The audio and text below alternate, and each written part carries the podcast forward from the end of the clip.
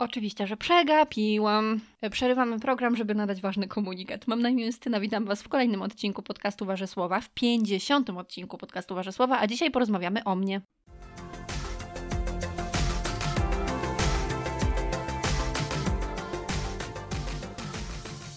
Szybciutko dzisiaj, ponieważ oczywiście, że przegapiłam, mimo że tak naprawdę chyba już od 20 odcinków mam scenariusz do dzisiejszego odcinka, to oczywiście jak przyszło co do czego i 50 odcinek wybił, ja sobie nagrałam już odcinki do przodu i zupełnie o tym zapomniałam, dlatego teraz e, kolejność może być lekko zaburzona, trudno. Postaram się dzisiaj jak najszybciej, bo będziemy rozmawiać o mnie. W 40 odcinków temu, czyli w 10 odcinku, yy, powiedziałam, yy, mówiłam o 10 faktach o mnie i chyba wspominałam tam, że kiedyś do tego wrócę, chociaż może nie, ale już o tym myślałam i dzisiaj właśnie do tego wracam, dlatego szybko przechodzę do e, chyba 10, nie jestem pełna, bo nie liczyłam, e, faktów na mój temat. Powiem tak od razu na wstępie, że mam 31 lat, skończone już kilka miesięcy temu, ponieważ e, zawsze Was to dziwi, że mam tyle lat. Zawsze myślicie, że jest to mniej, co jest bardzo miłe, bardzo miłe. Mm, a zawodowo zajmuję się korektą, redakcją, copywritingiem i wieloma innymi rzeczami związanymi ze słowami. Tak naprawdę właśnie na co dzień najczęściej zajmuję się aktualnie yy, korektą i redakcją, natomiast przez wiele lat było to, był to głównie copywriting, bywało dziennikarstwo i tak dalej. Yy, miałam też krótki romans w tamtym roku z transkrypcją i mam nadzieję, że do tego romansu już bardzo niedługo wrócę, bo było to bardzo przyjemne i naprawdę lubię transkrypcję, więc, e, więc fajnie, że będę mogła na chwilę do tego wrócić, mam nadzieję. No i tak, i tym się głównie zajmuję od kilku lat, e, już kilku dobrych lat prowadzę własną firmę. Jeżeli macie ochotę coś mi zlecić, to serdecznie zapraszam do kontaktu. Wcale nie planowałam tutaj autoreklamy, musicie mi uwierzyć na słowo. E, tak czy inaczej, tak, tym się zajmuję życiowo i to jest tak naprawdę bardzo zbliżone do tego, co planowałam robić od dziecka, ponieważ planowałam być dziennikarką, dziennikarką muzyczną, modową, tak to mi się zmieniało. No i mm, no, nie jestem dziennikarką muzyczną ani modową, ale E, ale gdzieś tam koło tego cały czas krążę, więc dobrze, że się skończyło tak, jak się skończyło, chociaż wiecie, wszystko przed nami, może jeszcze kiedyś zostanę dziennikarką muzyczną, bo teraz już chyba szczególnie e, modową bym być nie chciała. A że pracuję ze słowami, bardzo dużo czasu spędzam przez, e, przed komputerem, no i mam kiepski wzrok, jestem krótkowzroczna i nigdy nie pamiętam, jaką mam wadę. Okulary noszę już od kilku dobrych lat i ta wada się pogłębia co roku właściwie. Teraz to jest chyba minus 2, 80 czy tam 75 w jednym oku, ale nie pamiętam drugiego, nigdy nie wiem, czy to na pewno 2,75. To jest naprawdę. Po prostu ja, jak ściągnę okulary, to nic nie widzę. E, wszystko jest rozmazane. Jak ktoś, nie wiem, jest 3 metry ode mnie i ja ściągnę okulary, to już mam problem, żeby odróżniać rysy twarzy. Więc no, nie jest za dobrze bez tych okców i jedyne, co mogę robić bez okularów, to czytać książki, ale to i tak nie, nie, nie każdym fontem, nie każdym stopniem. No, także to tyle. Ostatnio słuchajcie w ogóle, co ja zrobiłam. Um, spieszyłam się, um, no i pobiegłam do auta, usiadłam. Już sobie wyjechałam kawałek z, podwórka i zorientowałam się, że jestem bez okularów. Ja nie wiem, przecież ja nawet nie, prędkościomierza nie widziałam.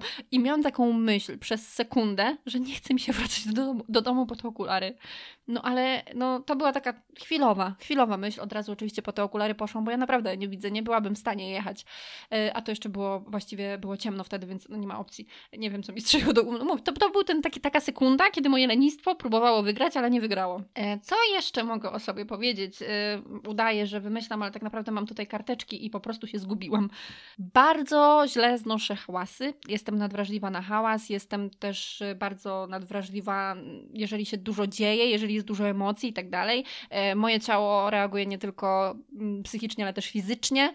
Przez nadmiar hałasu mam zazwyczaj straszne mdłości, hiperwentylację, w ogóle nic, nic przyjemnego, dlatego właśnie unikam hałasu, staram się przynajmniej unikać hałasu, bo jak wiecie, jestem fanką koncertów, więc hmm, czasami się nie da, ale no zdarza się, że jeżeli to są duże koncerty, tak jak na przykład Dawid podsiadło na Narodowym, no nie ma, no ja nie, nie widzę siebie w takim miejscu, mimo że bardzo bym chciała to przeżyć, to wiem, że fizycznie byłabym wrakiem na takim koncercie, ale może kiedyś się uda, pracuję nad tym. Mówiłam o wzroku, więc jeszcze wspomnę o tym, że mam męty ciała szklistego, widzę właśnie te męty i Przyznam Wam szczerze, że ja chyba dopiero z 10 lat temu się dowiedziałam, że to nie jest tak, że wszyscy je mamy. Naprawdę, ja byłam przekonana, że wszyscy mają menty, że wszyscy widzą menty.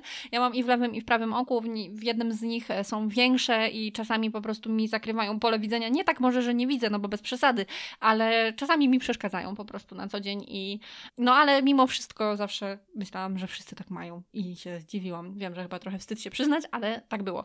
Jeżeli już mówimy o wzroku, to jeszcze opowiem o iluzjach fortyfikacyjnych, które niestety mnie mnie co jakiś czas dopadają. Na szczęście niezbyt często, e, ale właśnie mam migreny z aurą i jedną z tych aur jest właśnie, są właśnie iluzje fortyfikacyjne.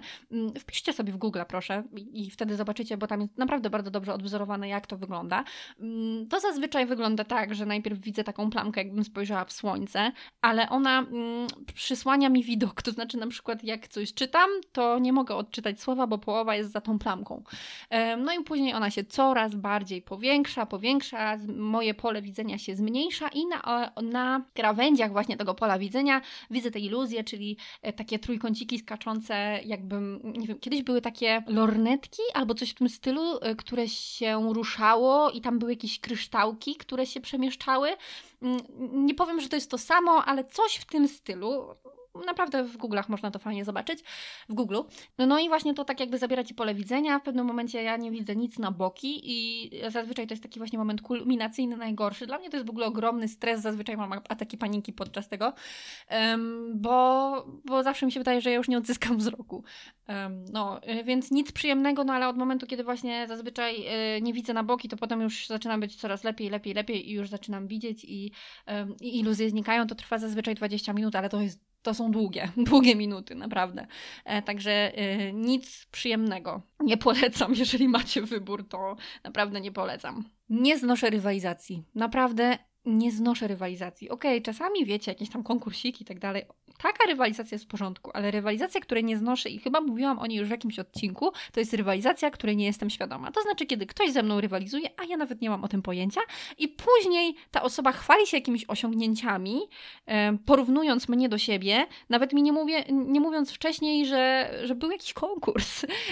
Nie chcę tutaj wchodzić w szczegóły, ale w wielu w wielu przypadkach w moim życiu właśnie było tak, że ktoś ze mną rywalizował, a ja nawet nie miałam o tym zielonego pojęcia, a nawet gdybym miała pojęcie, że ten ktoś ze mną rywalizuje, to i tak bym tego nie robiła, bo mam, no, no, no nie lubię rywalizacji i nie mam zamiaru w takich rywalizacjach brać udziału. Jeżeli ktoś lubi, no to droga wolna, ale bardzo proszę nie ze mną. Tak, ja też jestem osobą wysoko wrażliwą. Wiem, że ostatnio jest traktowana jako moda wręcz, e, ale tak, tak jest. jestem osobą wysoko wrażliwą i to tłumaczy wiele, wiele rzeczy w moim życiu. Naprawdę, musicie uwierzyć mi na słowo. natomiast nie jestem fanką e, pucowania się tym. Przepraszam za wyrażenie, ale nie umiem tego inaczej określić. Uważam, że bycie osobą wysoko wrażliwą to jest po prostu określenie poziomu Twojej wrażliwości. Każdy tę wrażliwość na jakimś poziomie ma i nie uważam, że to jest tak, że bycie osobą wysoką wrażliwą jest lepszym poziomem wrażliwości. Każdy poziom wrażliwości jest ok. Dlatego jak gdzieś tam mm, widzę takie podziały na my, wysoko wrażliwi i wy, cała reszta, która nie wie, co to znaczy czuć, y, to mnie się to nie podoba, zupełnie się z tym nie identyfikuję. Mm, I też y, lubię moją wysoką wrażliwość, ale zajęło mi to trochę czasu, ponieważ jest też dużo takich aspektów, w których wysoka wrażliwość po prostu przeszkadza w codziennym życiu i jakoś tak wpływa na nie w niefajny sposób, mimo wszystko. W związku z tym też mam wystrzeloną empatię do granic. E, bardzo łatwo mi jest wejść w czyjeś, e, w czyjeś emocje, bardzo łatwo mi jest współodczuwać, e, zrozumieć. Mam taką mm, naprawdę czasami jakich ja ludzi próbuję zrozumieć i dlaczego sama nie wiem.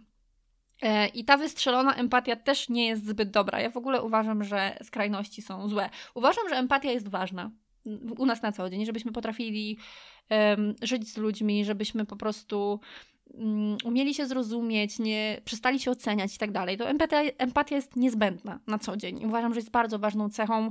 Mm, ludzie nieempatyczni trochę mnie martwią, zawsze gdzieś tam, podskórnie się trochę chyba ich boję. E, natomiast taka wystrzelona empatia też nie jest niczym dobrym, bo po prostu jeżeli wszystko tak bardzo przyjmujesz e, na siebie i tak bardzo potrafisz to gdzieś tam odczuć, to bardzo oddziałuje i w taki niepozytywny sposób. Dlatego trochę to lubię, a trochę nie. Jest to taka kwestia. To zależy, to zależy po prostu od sytuacji. Jest też taka rzecz, która mnie bardzo irytuje. E, irytuje mnie podejście do życia Kiedyś to było. Podejście do życia kiedyś to było jest dla mnie tak irytujące, że ja nie potrafię normalnie na ten temat dyskutować, bo się od razu denerwuję. I bardzo się staram z tym walczyć, ale naprawdę jest to dla mnie turbo, turbo irytujący, um, irytujący sposób patrzenia na świat. E, oczywiście, że kiedyś było lepiej, kiedyś to były czasy, wiadomo, ale mm, jak. Mm, ja lubię też nostalgię, lubię sentymenty, lubię sobie powspominać, ale takie takie poczucie, że jesteśmy w najgorszym możliwym czasie, że teraz to już jest koniec świata, że wszystko co najgorsze to teraz. No, Teraz, dzisiaj to nic nie ma, nie? No ani artystów fajnych już nie ma, no nie ma nikogo. Nikogo nie ma. Ani te dzieci, Boże, te dzieci to są straszne po prostu. Już tak, no, no takie, ach Boże, tylko te komputery im w głowie, internet, no nic innego im w głowie. No tak mnie takie podejście denerwuje, jest dla mnie straszliwie zamknięte jest dla mnie w ogóle takie wąskie, ograniczające i naprawdę nie mam żadnej przyjemności z rozmawiania z ludźmi, którzy wygłaszają takie tezy i mm, no i tak mocno się tego trzymają i dla nich to jest takie radykalne. Nie lubię tego, bardzo nie lubię takiego podejścia. Kiedyś to było, Boże, kiedyś to było. No było, ale się skończyło i trzeba y, żyć w czasach, w których żyjemy, a nie rozpamiętywać, co było kiedyś. Nie jest wcale tak źle, moi drodzy, nie jest wcale tak źle. I to chyba było 10 faktów o mnie. No co, dobra, dobra, y, no to co, no to chyba y, tyle. Jest to chyba pierwszy odcinek, który poszedł mi tak szybko i gładko, e, ale chciałabym sobie zostawić troszeczkę tego rodzaju kontentu, gdybym kiedyś jeszcze miała jakiś okrągły odcinek i chciała sobie e, go wykorzystać, więc e, skończmy na tych 10 faktach. Mam nadzieję, że to było 10. Dziękuję bardzo, bardzo serdecznie za 50 odcinków i, i co? I do usłyszenia następnym razem.